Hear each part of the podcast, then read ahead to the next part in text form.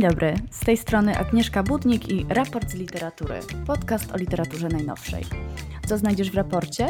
Wywiady z pisarzami i pisarkami, rozmowy wokół rynku książki i nagród literackich. Ale nie tylko. Opowiadam też sama o premierach, przekładach i literackich kontekstach. Czasem też o przykurzonych klasykach. Więcej informacji o podcaście znajdziesz na stronie raportzliteratury.pl. W drugim raporcie posłuchasz o dwóch literackich klasykach, ale nadal nowościach na naszym rynku wydawniczym. O zapiskach syna tego kraju Jamesa Baldwina i Dryfując do Bethlehem Joan Didion. Co mają ze sobą wspólnego? Dlaczego czytać właśnie te dwie książki? O tym za moment. Błysk to seria, w której opowiadam Wam o książkach, które mnie w jakiś sposób ujęły. E, są ważne dla literatury, tej polskiej i światowej, albo dopiero co się ukazały, lub odżyły w jakimś nowym kontekście. Nie szukam arcydzieł, albo nie zawsze szukam arcydzieł. Nie będę oceniała tych książek jako złych czy dobrych. Mm, sama kategoria arcydzieła jest dla mnie w jakiś sposób podejrzana, trochę śliska. Często jest też tak, że książki jakoś pęknięte, często mniej dopracowane, są po prostu ciekawsze. Dzisiaj o dwóch ważnych dla amerykańskiej kultury książkach, o eseju proteście i o reportażu, który zmienił zasady gry. Obie pozycje, no bo mowa tutaj dzisiaj o zapiskach syna tego kraju, Jamesa Baldwina, to jest wydawnictwo Charakter. E, mam je tu przed sobą. Zawsze okładki charakteru robią duże wrażenie, więc też na pewno rozpoznajecie już powoli też książki, które wydaje charakter. Mm, I dryfując do Bethlehem Joan Didion, i to jest wydawnictwo całkiem nowe, to jest wydawnictwo Cyranka, e, dosyć charakterystyczna książka, żółta okładka i czarno-biała fotografia e, młodej Didion. Obie te książki zawdzięczamy w polszczyźnie Mikołajowi Denderskiemu i to jest ważne. To jest tłumacz, który właśnie wprowadził nam ten zatłoczony nowojorski Harlem e, i to zakurzone Sacramento w Kalifornii do polszczyzny. Przełożył obie te książki. Zresztą nie tylko te, ale dzisiaj mówimy o tych dwóch. No i może zacznijmy od zapisków, bo ta książka może nie jest wcale najnowsza, e, ale jakże ważna. Wydawnictwo Charakter wydało ją w 2019 roku, chociaż sam Baldwin swój tekst pisał w latach 50. w Stanach Zjednoczonych głównie w Stanach Zjednoczonych. Dlaczego wznawiać w ogóle dyskusję o takich książkach? Mm, no bo to jest tom esejów do bólu współczesny, do bólu, ale takiego, wiecie, aż do kości, do bólu aktualny. No ale po kolei i w takim dużym zarysie. James Baldwin jest czarnoskórym pisarzem, który w swoich przejmujących esejach e, pisał o doświadczeniu systemowego rasizmu, o kulturze mniejszości, o relacjach z białymi, które od zawsze naznaczone są nienawiścią i lękiem. No i pytanie, czy to jest biografia, czy to jest manifest polityczny, a może zmyślenie? To ostatnie na pewno nie, pierwsze i drugie właściwie po trochu. Dzieje się tu dużo, więc po kolei. Baldwin nie tylko punktuje nam te nadużycia władzy, czy odsłania codzienność podszytą strachem w Stanach Zjednoczonych, będąc osobą czarnoskórą. E, sporo tu również rozważań o samym stawaniu się pisarzem, opisaniu, co możemy zamknąć takim zgrabnym, ale właściwie niewiele nam mówiącym na pierwszy rzut oka terminem autotematyzmu. Bo tak właściwie to nazywamy, kiedy mówimy o samym pisaniu, kiedy autor wypowiada się o pisaniu. E, to bez wątpienia teksty o tożsamości i wiem, to banał, ale Baldwin mówi nam coś, e, co nas białych szokuje, pokazując tylko, jak bardzo jesteśmy ślepi i mało rozgarnięci w temacie, bo mimo tego, jak pisze Baldwin, że moim językiem jest angielski, jestem mniejszością, jestem intruzem. Amerykańskie dziedzictwo to nie jest moje dziedzictwo. O tym, dlaczego to jest takie ważne za moment, ale jeszcze trochę o stylu, zanim rzucimy się w wir treści. To są teksty bardzo oszczędne aż porażająco czasem obojętne, bo kiedy mowa o prześladowaniu innych, innych osób czarnoskórych i samego Baldwina, no rzeczywiście te teksty są też bardzo mocne. Ta obojętność w tym stylu, w którym pisze Baldwin, jest tu zupełnie szokująca, ale też z drugiej strony zupełnie zrozumiała. Baldwin nam powie jasno, i tutaj cytuję: e, To opowieść, jakich wiele. No i rzeczywiście w tej opowieści, którą snuje nam Baldwin, nie ma takiego tonu użalania się, ale jest za to zupełnie jasny, uzasadniony i logiczny zarzut względem białych za dojrzewanie w poczuciu winy za kolor skóry. Albo jak nazwie to Baldwin jeszcze dosadniej, zatrwałe poczucie bycia bękartem Zachodu. Książkę Baldwina w tym polskim wydaniu otwiera wprowadzenie autorstwa Edwarda Jonesa z 2012 roku, które trochę nam właściwie e, tę opowieść, tę historię uaktualnia. No i Jones we wprowadzeniu do tej książki próbuje nam nakreślić ramy, w których głos czarnoskórego pisarza zaistniał i dlaczego był tak ważny. I samo to wprowadzenie jest też bardzo interesujące. Od początku Baldwin, jak pisze Jones, był określany jako młody murzyński pisarz, i to jest cytat. I ten przymiotnik murzyński był tu w jakiś sposób rozstrzygający, czy, czy może lepiej definiujący. No bo przypomnijmy sobie, jak sprawa też wyglądała przez wieki. Niewolnictwo tkwi właściwie u podstaw Stanów Zjednoczonych, właśnie tak jak ten systematyczny rasizm. A jednak głosów osób czarnoskórych po dziś dzień e, jest względnie mało cywilizowani, w cudzysłowie takim ogromnym rzecz jasna, e, nie byli w stanie opisać obcego, tego jak go nazywano, i tutaj znowu duży cudzysłów, dzikiego. Był to ktoś obcy, gorszy, a w najlepszym wypadku po prostu podwładny ale odebranie głosu i tradycji osobom czarnoskórym miało jeszcze jeden cel, no bo był to po prostu strach przed tym, że ten właśnie dzikus, znowu cudzysłów, opisze tego cywilizowanego, znowu cudzysłów.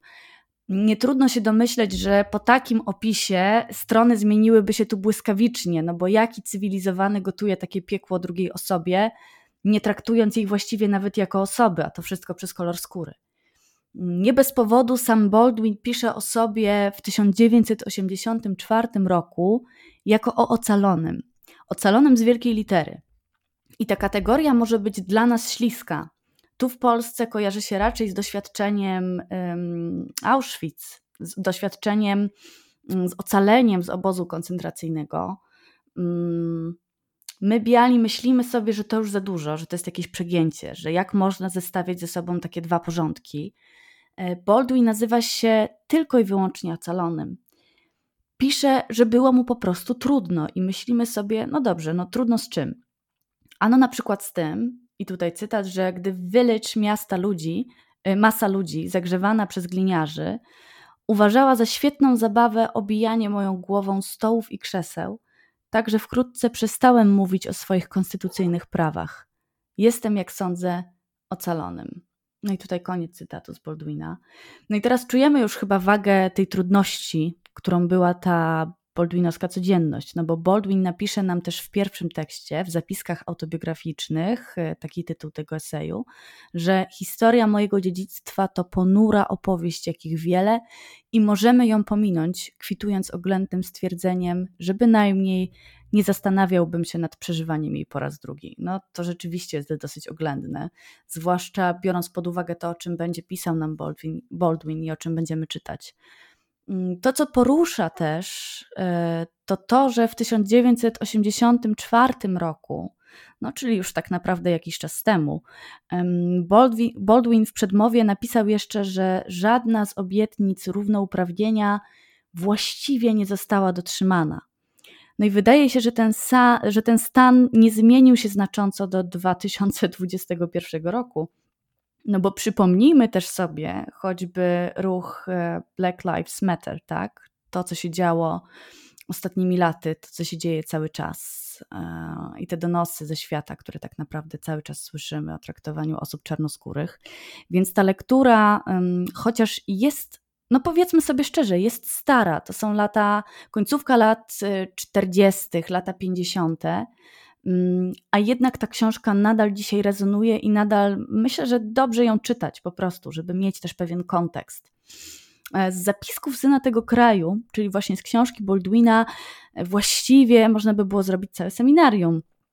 I powiedzenie, że to jest powieść czy esej protestu, to bardzo mało bo Baldwin sięga dużo, dużo głębiej, sięga do samego tego nerwu amerykańskiej kultury, do samych korzeni nienawiści rasowej i do problemów związanych to, z tożsamością osoby czarnoskórej żyjącej w Stanach. Mm, pisarz stawia nam sprawę jasno, mówiąc o Szekspirze, Bachu i innych ważnych fundamentach tej zachodniej kultury, i pisze tak: To nie były moje dzieła, nie zawierały mojej historii, mógłbym na próżno szukać w nich swojego odbicia, byłem intruzem to nie było moje dziedzictwo. No i dla mnie ta uwaga Baldwina była jakoś tak zupełnie bardzo otrzeźwiająca, no bo żyję sobie, tak jak my wszyscy, w pewnej kulturze, mam taki, a nie inny gust, znam taki, a nie inny kanon dzieł sztuki, książek, piękna, no i też właśnie gustu.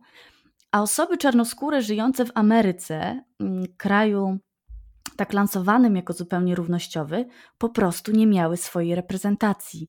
Nie było ich widać, nie miały swojej kultury, do której mogłyby się odnosić. No, to znaczy, oczywiście swoją miały, natomiast e, nie mogły właściwie się nią dzielić, tak? bo to w jakiś sposób blokował nam ten systematyczny rasizm, systemowy rasizm też. No i właściwie o tym właśnie pisze Baldwin. O tym, jak głęboko sięga to wykluczenie. Czy Baldwin nienawidzi za lata wyzysku białych? No tak. Czy ma do tego prawo? Tak. Czy mimo tego boi się białych? No i znowu tak. Mm, to ważne, no bo Baldwin zaczyna choćby od odczytania na nowo takiej ważnej dla kanonu amerykańskiej literatury i kultury e, książki e, Chaty wuja Toma. Być może Wam się to już obiło o uszy ten tytuł. Autorstwa Harriet Stowe. I przypomnijmy tylko, że ta powieść wydana w 1852 roku stała się bardzo ważnym argumentem w walce w ogóle o zniesienie niewolnictwa. No więc jaki jest problem z tą powieścią? Ano taki, że pisała ją przede wszystkim biała kobieta, która nawet pomimo najlepszych chęci nie podołała oddaniu swoistości osób czarnoskórych. No i co to znaczy? W powieści bohaterowie też, jak opisuje to Baldwin, bo on tak bardzo mocno podchodzi polemicznie do tej książki i pokazuje jej nadużycia, w powieści bohaterowie niebiali są właściwie opisywani często jako biali. Mm, tak dobrzy jak biali, pracowici jak biali. Kończy się więc na tym, że jedna z ważniejszych postaci, um, albo na, na, początku, jedna z ważniejszych powieści po prostu mówi nam o tym, że niewolnictwo jest niedobre, owszem, ale nie posuwa się dalej. No więc Baldwin atakuje dalej. Osoby czarnoskóre są tam po prostu do bólu szablonowe, bywają, jak to też zaznacza Baldwin, rozkoszne po prostu. Na pewno nie są podmiotowe, są jakąś dziwną częścią tła. A na końcu i tak się okazuje, że jedna z tych głównych bohaterek czarnoskórych, Eliza, e, jest może i bohaterką powieści, no i to czarną, ale co się okazuje, e, ma francuskie, arystokratyczne korzenie, no więc zwycięstwo. No i to jest ten problem. Dopóki biali będą pisać o doświadczeniu osób czarnoskórych, nic się nie zmieni to nie będzie opis doświadczeń tej mniejszości. Um, więc Baldwin daje nam kolejny esej. Tutaj jest ich kilka, um, całkiem sporo, kilkanaście, są podzielone na trzy części. Mm, no i w takim całkiem istotnym eseju, znaczy wszystkie tutaj są istotne, ale takim uderzającym, też mocno politycznym jest ten esej Many Thousands Gone. I ten tytuł rozdziału nawiązuje do tradycyjnej pieśni z czasów niewolnictwa. I Baldwin zaczyna od takiego zwrotu do muzyki, no bo pisze choćby, że tylko w muzyce Murzyn w Ameryce zdołał opowiedzieć swoją historię. No bo nikt nie był w stanie jej tu zawłaszczyć, jakoś przejąć, opowiedzieć tej historii za niego. Pomyślmy sobie choćby o jazzie, właśnie jako tym gatunku, który na początku był postrzegany jako coś e, słabego, nietechnicznego, niedoskonałego, ale stał się też gatunkiem ekspresji zarezerwowanym początkowo dla czarnoskórych muzyków, po prostu. Mm, wynotowałam też sobie takie jedno zaskoczenie z przypisu w tym eseju. Mm, w roku 1941 amerykański Czerwony Krzyż odmówił przyjmowania krwi od afroamerykańskich dawców. Spotkało się to z oburzeniem i protestami czarnej społeczności, na skutek których zniesiono zakaz jej pobierania. Zachowano jednak zasadę, że krew afroamerykańskich, Afroamerykanów będzie przytaczana jedynie żołnierzom afroamerykańskim. Jak na ironię, pomysłodawcą banków krwi był afroamerykański lekarz Charles Drew. I to był właśnie ten, ten przypis. I to, co przychodzi mi na myśl, że właśnie tak głęboko sięga właśnie rasizm. Do samej krwi, więc nieźle, prawda?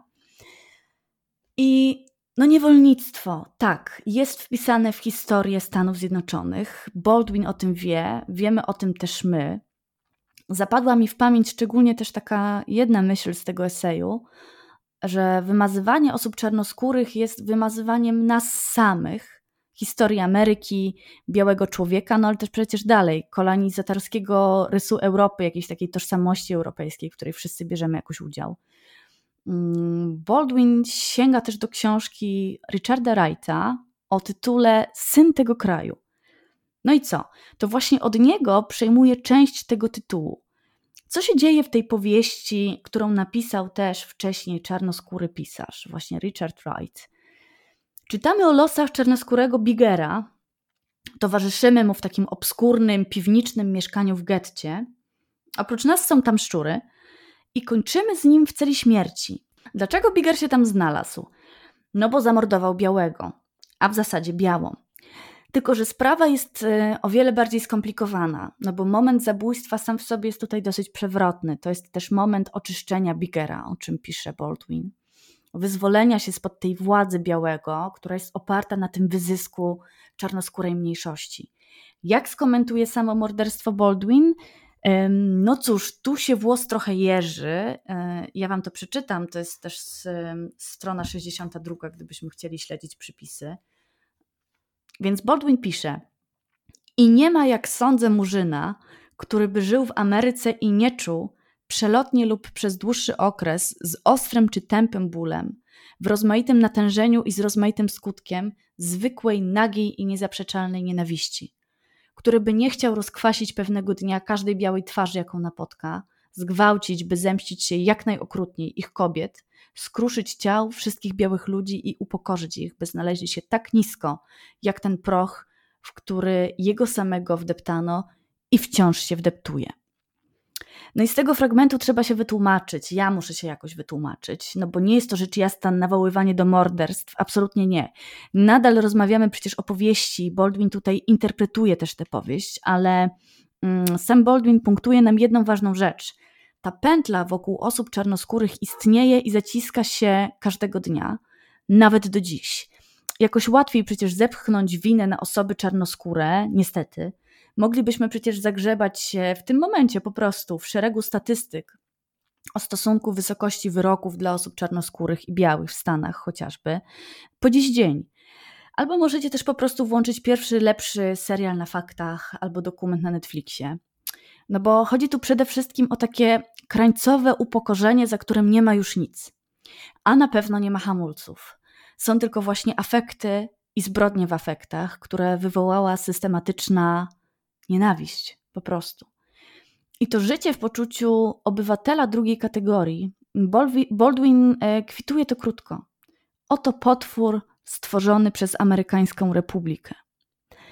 No i takich brawurowych, świetnych i po prostu interesujących analiz i myśli jest e, w zapiskach syna tego kraju na pęczki. Baldwin na przykład pokazuje nam, skąd wzięło się powiązanie osób czarnoskórych z seksem i z wybujałą seksualnością w ogóle. No i podpowiem, że z filmu, e, no i z Hollywood po prostu.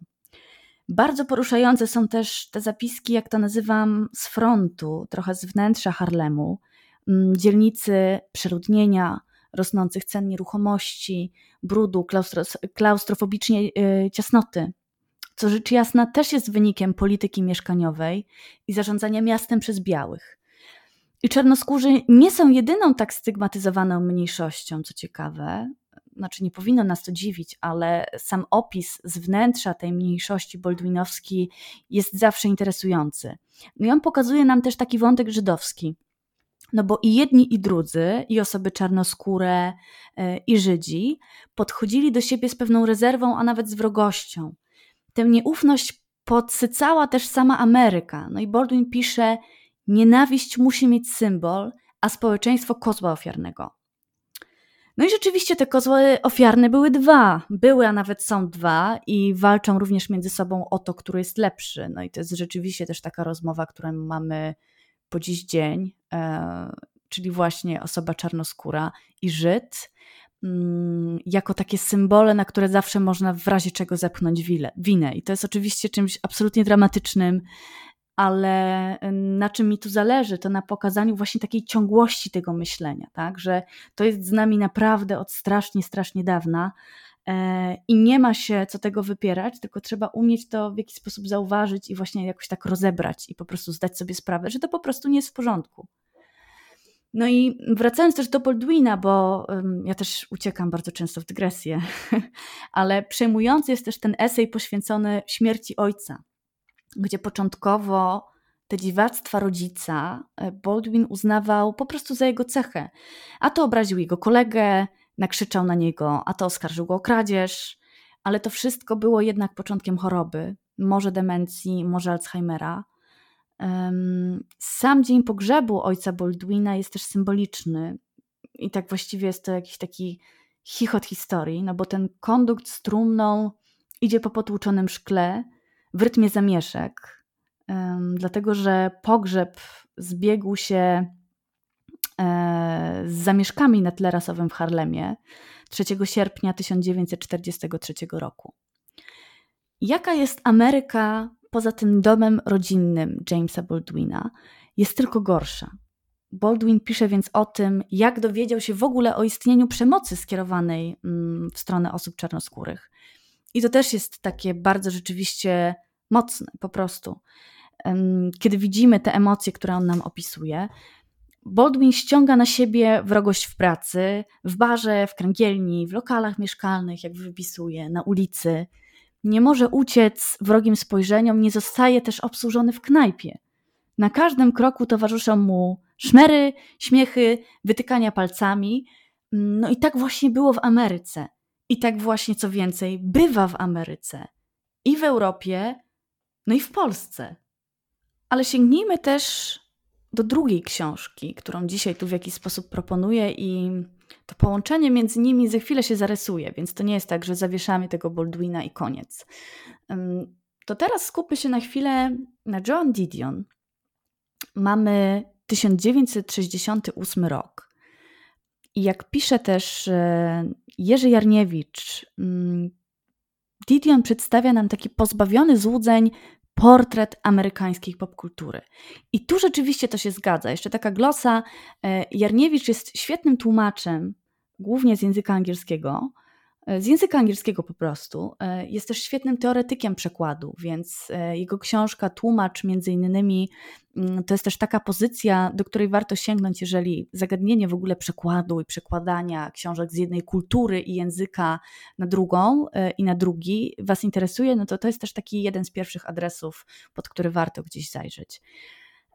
Dryfując do Betlejem to jest zbiór reportaży bardzo szczególnych, które dokumentują nam świat w rozpadzie. I Joan Didion jest tutaj komentatorką życia Ameryki, która liczy się właściwie w Ameryce po dziś dzień. Ale dlaczego ona w ogóle pojawia nam się tutaj w zestawieniu z Baldwinem? Jakoś tak zwróciła moją uwagę, że też w rozmowie z koleżanką, więc tutaj Ola, pozdrawiam cię, e, że zapiski córki tego kraju to jest właśnie tytuł jednego z eseju, który Didion wplata do tej książki, wplata do Dryfując do Betlejem. No i to jest jasne i zupełnie takie czytelne nawiązanie do zapisków syna tego kraju, Jamesa Baldwina. No i w zapiskach córki, tym razem jesteśmy w córce tego kraju, czyli przy Didion, mm, to co jest ciekawe to to, że ten ruch troszeczkę jest podobny. Didion pokazuje nam, że złudą jest to, że Kalifornię od Nowego Jorku dzieli tylko i wyłącznie 5 godzin samolotem. Didion powie prosto: Kalifornia jest gdzie indziej. No i tak właśnie Didion zaczyna swoją opowieść tej córki tego kraju, tego eseju, który teraz już jasno nam podejmuje dialog z takim ważnym tekstem Baldwina. No i tutaj jest właściwie seria pytań. Czy biała autorka ma w ogóle prawo do takiego zawłaszczenia, do nawiązania do tytułu ważnego eseju, który właściwie był takim silnym głosem w debacie politycznej e, dotyczącego właśnie prześladowania osób czarnoskórych po prostu. Mm, no i cóż, literatura na pewno stoi takimi nawiązaniami, takim wskazywaniem wcześniejszych tekstów, które są e, drogowskazami dla kolejnych autorów. Tekst Didion to już jest końcówka lat 60., e, właściwie już prawie że lata 70. Samo że zapożyczenie tego tytułu od Baldwina zapowiada nam poniekąd treść tak naprawdę, no bo Kalifornia właśnie nie jest taką, jaką się wydaje. Kalifornia jest gdzie indziej. To nie jest tylko i wyłącznie Los Angeles. Jak pisze Didion, tutaj podrzucam wam taki cytat, mm, który, nam te, który też nas jakoś nakieruje na ten styl tej opowieści, połyskliwa glazura popołudniowego słońca w okolicach Big Sur, to właśnie nie jest tylko i wyłącznie Kalifornia. I przecież sam Baldwin nam pokazywał, że kultura amerykańska, w której się wychował, wcale nie jest jego kulturą. I to wyobrażenie Ameryki nie jest jego wyobrażeniem. Zapiski syna tego kraju były rzecz jasna esejem, mm, tekstem o wiele silniej politycznym, ale ten ruch mm, Didion trochę powtarza, zaczyna od czegoś podobnego. Mówi o tym, że Kalifornia to wcale nie są Cadillaki, country cluby i w ogóle wakacyjna pocztówka. Didion jest o wiele bardziej e, niż Baldwin filozoficznie egzystencjalna, w jakiś sposób skupiona na estetyce, na takim też estetycznym przeżywaniu, ale nie tylko. Poza tym to jest tekst inny. On nie jest gorszy, nie jest lepszy, ale właśnie jest inny. Didion jest za to podobnie zjadliwa i bezlitosna w opisie rzeczywistości, w której jest zanurzona. No i niech przemówi nam tutaj fragment, fragment, w którym Didion pisze: Oto Kalifornia, gdzie nie brak numerów telefonów, pod którymi automatyczna sekretarka odczyta modlitwę, za to trudność sprawi kupienie książki. To kraina, w której wiarę w dosłowną interpretację Księgi Rodzaju niepostrzeżenie zastąpiła wiara w dosłowną interpretację podwójnego ubezpieczenia – Kraina tapirowanych włosów, spodni trzy czwarte i dziewczyn, których oczekiwania wobec życia sprowadzają się do białej sukni ślubnej do połowy łydki i urodzenia Kimberly albo Sherry albo Debbie, mm, potem rozwodu w Tijuanie i powrotu do szkoły fryzjerskiej. No więc jest zjadliwie, nie jest do końca przyjemnie, rzeczywiście, ale ten ton jest taki też e, dosyć charakterystyczny. Tu jeszcze tylko takie małe dopowiedzenie, że oba te teksty e, no, są tekstami po prostu non-fiction. Oczywiście możemy się zastanawiać, ile jest tutaj jakiegoś takiego, wiecie, zmyślenia, dopowiedzenia, e, może manewrowania faktami po to, żeby opowieść się lepiej czytało, ale o tym też za moment, bo to też przy Didion jest dosyć ważne. Natomiast dlaczego w ogóle ten temat Kalifornii tu dla nas może być w jakiś sposób zajmujący? No i Didion na przykład pisze dalej. Typową cechą Kalifornijczyków jest opowiadać o przeszłości z rozmachem. No i tu już e, rzeczywiście to opowiadanie o przeszłości z rozmachem może być e, dla nas całkiem ciekawe, no bo chyba nie jest to wcale nam aż tak obce, przynajmniej w tej kulturze, w której teraz sobie jesteśmy, siedzimy, żyjemy. Mm, I Didion mówi dalej, że o wiele bliżej tej istoty Kalifornii jest nie to Los Angeles, które chyba większość z nas ma na myśli, kiedy sobie myśli o Kalifornii, ale właśnie Sacramento, miasto, z którego Didion pochodzi. No i jakie jest to Sacramento? Jest pokryte kurzem, naznaczone jakąś taką melancholią, podszyte niepokojem. No i to dziwne uczucie lęku, pewnej niestabilności i utraty nie tylko towarzyszy Didion, ale też definiuje ją jako pisarkę. No bo pojawia się nie tylko tu, tu, czyli mam na myśli e, tę książkę, o której dzisiaj rozmawiamy, dryfując do Bethlehem, ale też e, w The White Album, który jest sequelem tej dzisiejszej książki bohaterki, sequelem z 1979 roku, o amerykańskiej popkulturze i rozpadającym się świecie. I dość powiedzieć, że jedną z opowieści jest chociażby tam sprawa sekty Charlesa Mansona. Didion nie tylko pracowała na aktach sprawy, ale również rozmawiała z Lindą Kasabian e, o, oraz załatwiała jej sukienkę na proces przed sądem. E, I różne takie e, ciekawostki, które są związane z Didion i z kolejnymi edycjami jej książek, możecie podczytać w takim specjalnym wydaniu, które się pokazało, i to nie jest właściwie żadna reklama, mm, wyborczej książek, e, dodatek książki, magazyn do czytania, to jest ten dwumiesięcznik i całe wydanie lutowe, e, znaczy nie całe, ale pewna wkładka, pewna część wydania lutowego była poświęcona właśnie Joan Didion, bo ona u nas wcale nie jest jakoś szczególnie znana tak naprawdę. No ale wracając, bo, bo jeszcze o tej recepcji Didion Wam za chwilę trochę powiem, natomiast jeżeli chodzi o tą utratę i stratę, e, z biegiem lat to poczucie utraty tylko przybiera właściwie u Didion na sile.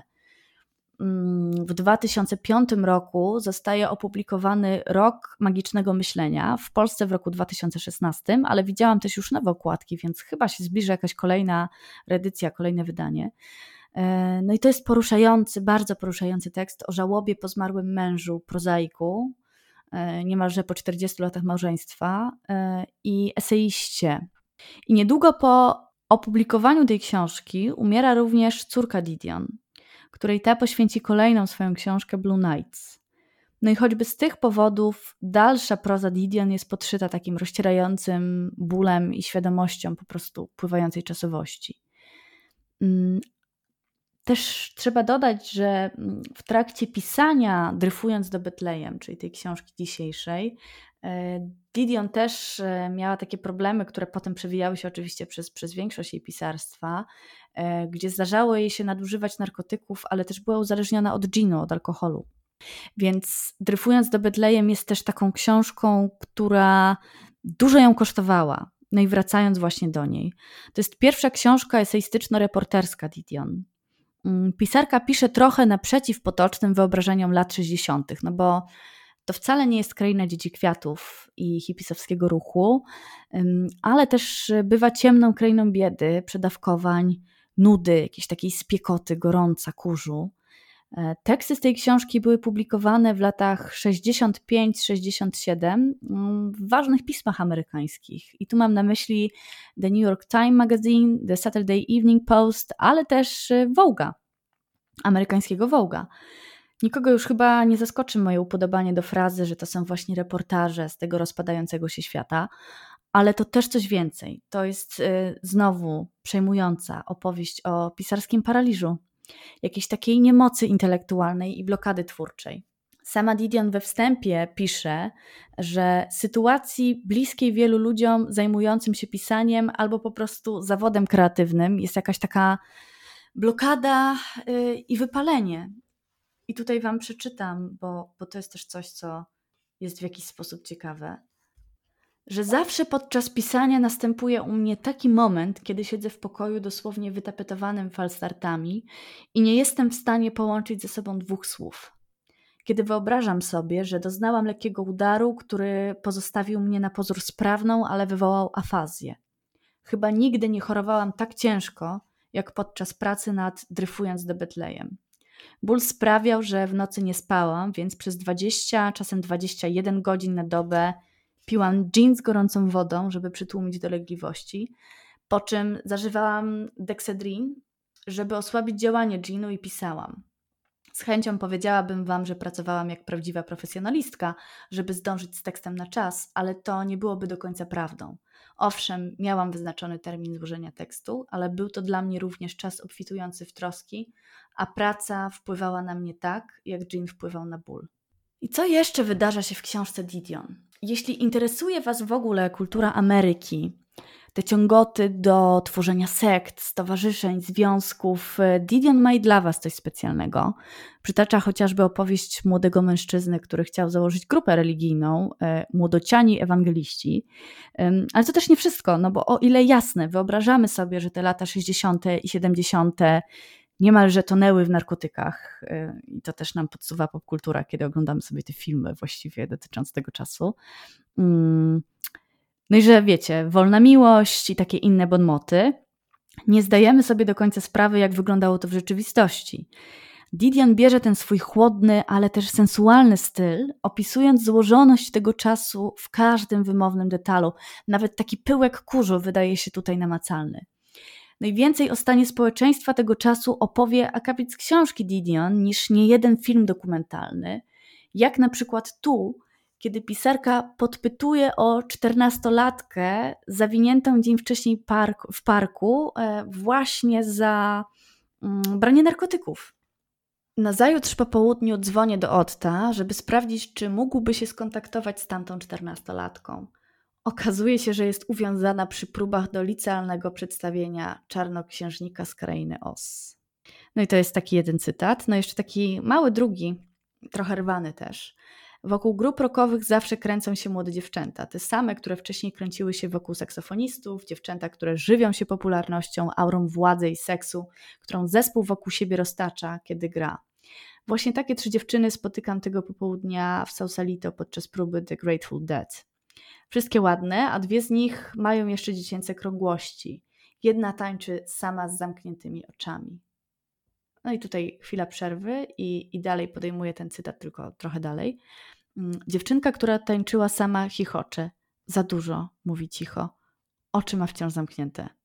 Ktoś mi powiedział, że jadąc na spotkanie z dzieciakami na gigancie powinnam zgarnąć po drodze kilka hamburgerów i butelek coli, więc tak zrobiłam i teraz jemy je razem w parku. Ja, 15-letnia Debbie i 16-letni Jeff. Didion nie jest pierwszą z brzegu reporterką, pisarką czy prozaiczką. To jest naprawdę jedna z ikon, której jeszcze w Polsce nie odkryliśmy, a przynajmniej nie rozpoznaliśmy jej znaczenia. No bo częściej książek na rynku polskim jest. I to jest na przykład rozkład. Y, oryginalnie powieść y, wydana w 1970 roku. Przekład Anny Kołyszko to jest 1986, 16 lat później. Y, Modlitewnik to dalej w języku angielskim 1977, mm, u nas 86 tym razem w przekładzie Miry Michałowskiej. No i Demokracja, chyba i tak najbardziej znana z tych wszystkich książek tutaj jak na razie. 1984 w Polsce znów dzięki Mirze Michałowskiej w 1991 roku e, została ta książka opublikowana. To są w dużej mierze powieści o wspólnym mianowniku, o starciach kobiet e, z pustką, o odnajdywaniu tożsamości, o radzeniu sobie i zupełnie nie z takim niepokojem, który właściwie nasyca każdy dzień. No ale dryfując do Betlejem to jest jeszcze inna sprawa, no bo dzięki tej książce, właśnie dzięki tej książce, która jest zbiorem reportaży, Didion staje się ważną częścią, a nawet, i to nie jest na wyrost rzucone zdanie, współtwórczynią nowego dziennikarstwa, pisanego z wielkich liter, nawet w cudzysłowie. No i czym by miało być takie nowe dziennikarstwo? I tu znowu przychodzi na ratunek e, Jerzy Jarniewicz, E, który pisze bardzo krótko właściwie i można sobie z tej jego definicji wyciągnąć tak syntetycznie, o co tu chodzi z tym nowym dziennikarstwem. E, to po prostu połączenie tej literatury faktu, doświadczenia współczesnej prozy, czyli właśnie mamy też ten, ten wątek literacki w tym reportażu, mm, i rozważań autorki o istocie samego pisania, czyli znowu ten autotematyzm nam tutaj wchodzi. No i co z tego wynika? na pewno silna obecność reporterki w tekście. No bo kiedy myślimy o reportażu, to często kojarzymy ten gatunek z takim suchym przekazywaniem faktów. No i owszem, kiedyś tak było. Sprawa polegała przecież głównie na zdawaniu relacji, no ale już nie. Didion, wdryfując do Betlejem, rozkłada na części pierwsze również swoje emocje i sądy. Dlatego też ta pozycja składa się w opowieść z Baldwinem i z zapiskami syna tego kraju. Tu też możemy śledzić ten mm, taki ruch autofikcji właściwie, czyli zacierania granic między literaturą a biografią, taką prawdą a zmyśleniem, bo to, że my ocenimy coś jako prawdę, a coś jako zmyślenie, to wcale nie znaczy, że nie wiem, prawda jest jakoś lepsza, a zmyślenie jakoś gorsze. No przecież literatura właściwie buduje się na zmyśleniu, na wyobraźni. Didion przypomina, że oglądamy rzeczywistość przez nałożony przez nią samą filtr, że ta perspektywa jest subiektywna, jak każda właściwie, tak? Więc mm, nic dziwnego w tym, że styl nowego dziennikarstwa zakłada selekcję faktów, mm, trochę jakby wiążąc e, je z regułami storytellingu. Wszystko po to, żeby ten tekst miał walory literackie. Czy to nas dziwi? No dzisiaj chyba już nie, no bo kiedy sobie myślę o polskim reportażu, czy, czy szerzej po prostu o polskiej szkole reportażu, przychodzą mi na myśl choćby teksty, a może raczej też y, wypowiedzi chociażby Mariusza Szczygła, że tekst reporterski ma się dobrze czytać, że dramaturgia tekstu jest może nawet równie ważna jak ten sam przekazywany fakt, który na sucho mógłby nas w ogóle nie ruszyć po prostu.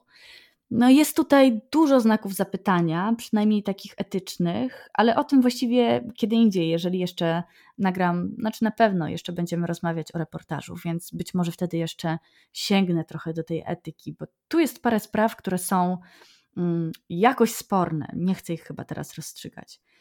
No i jeszcze na koniec właściwie tutaj, trochę wbrew sztuce, o samym tytule. No bo powiedzmy sobie szczerze, dryfując do Betlejem, brzmi dosyć mało intuicyjnie. Więc dlaczego ten tytuł na, taką zbior, na takie zbiorcze nazwanie reportaży e, z drugiej połowy lat 60., które opisują i trochę nam odkłamują tą Kalifornię?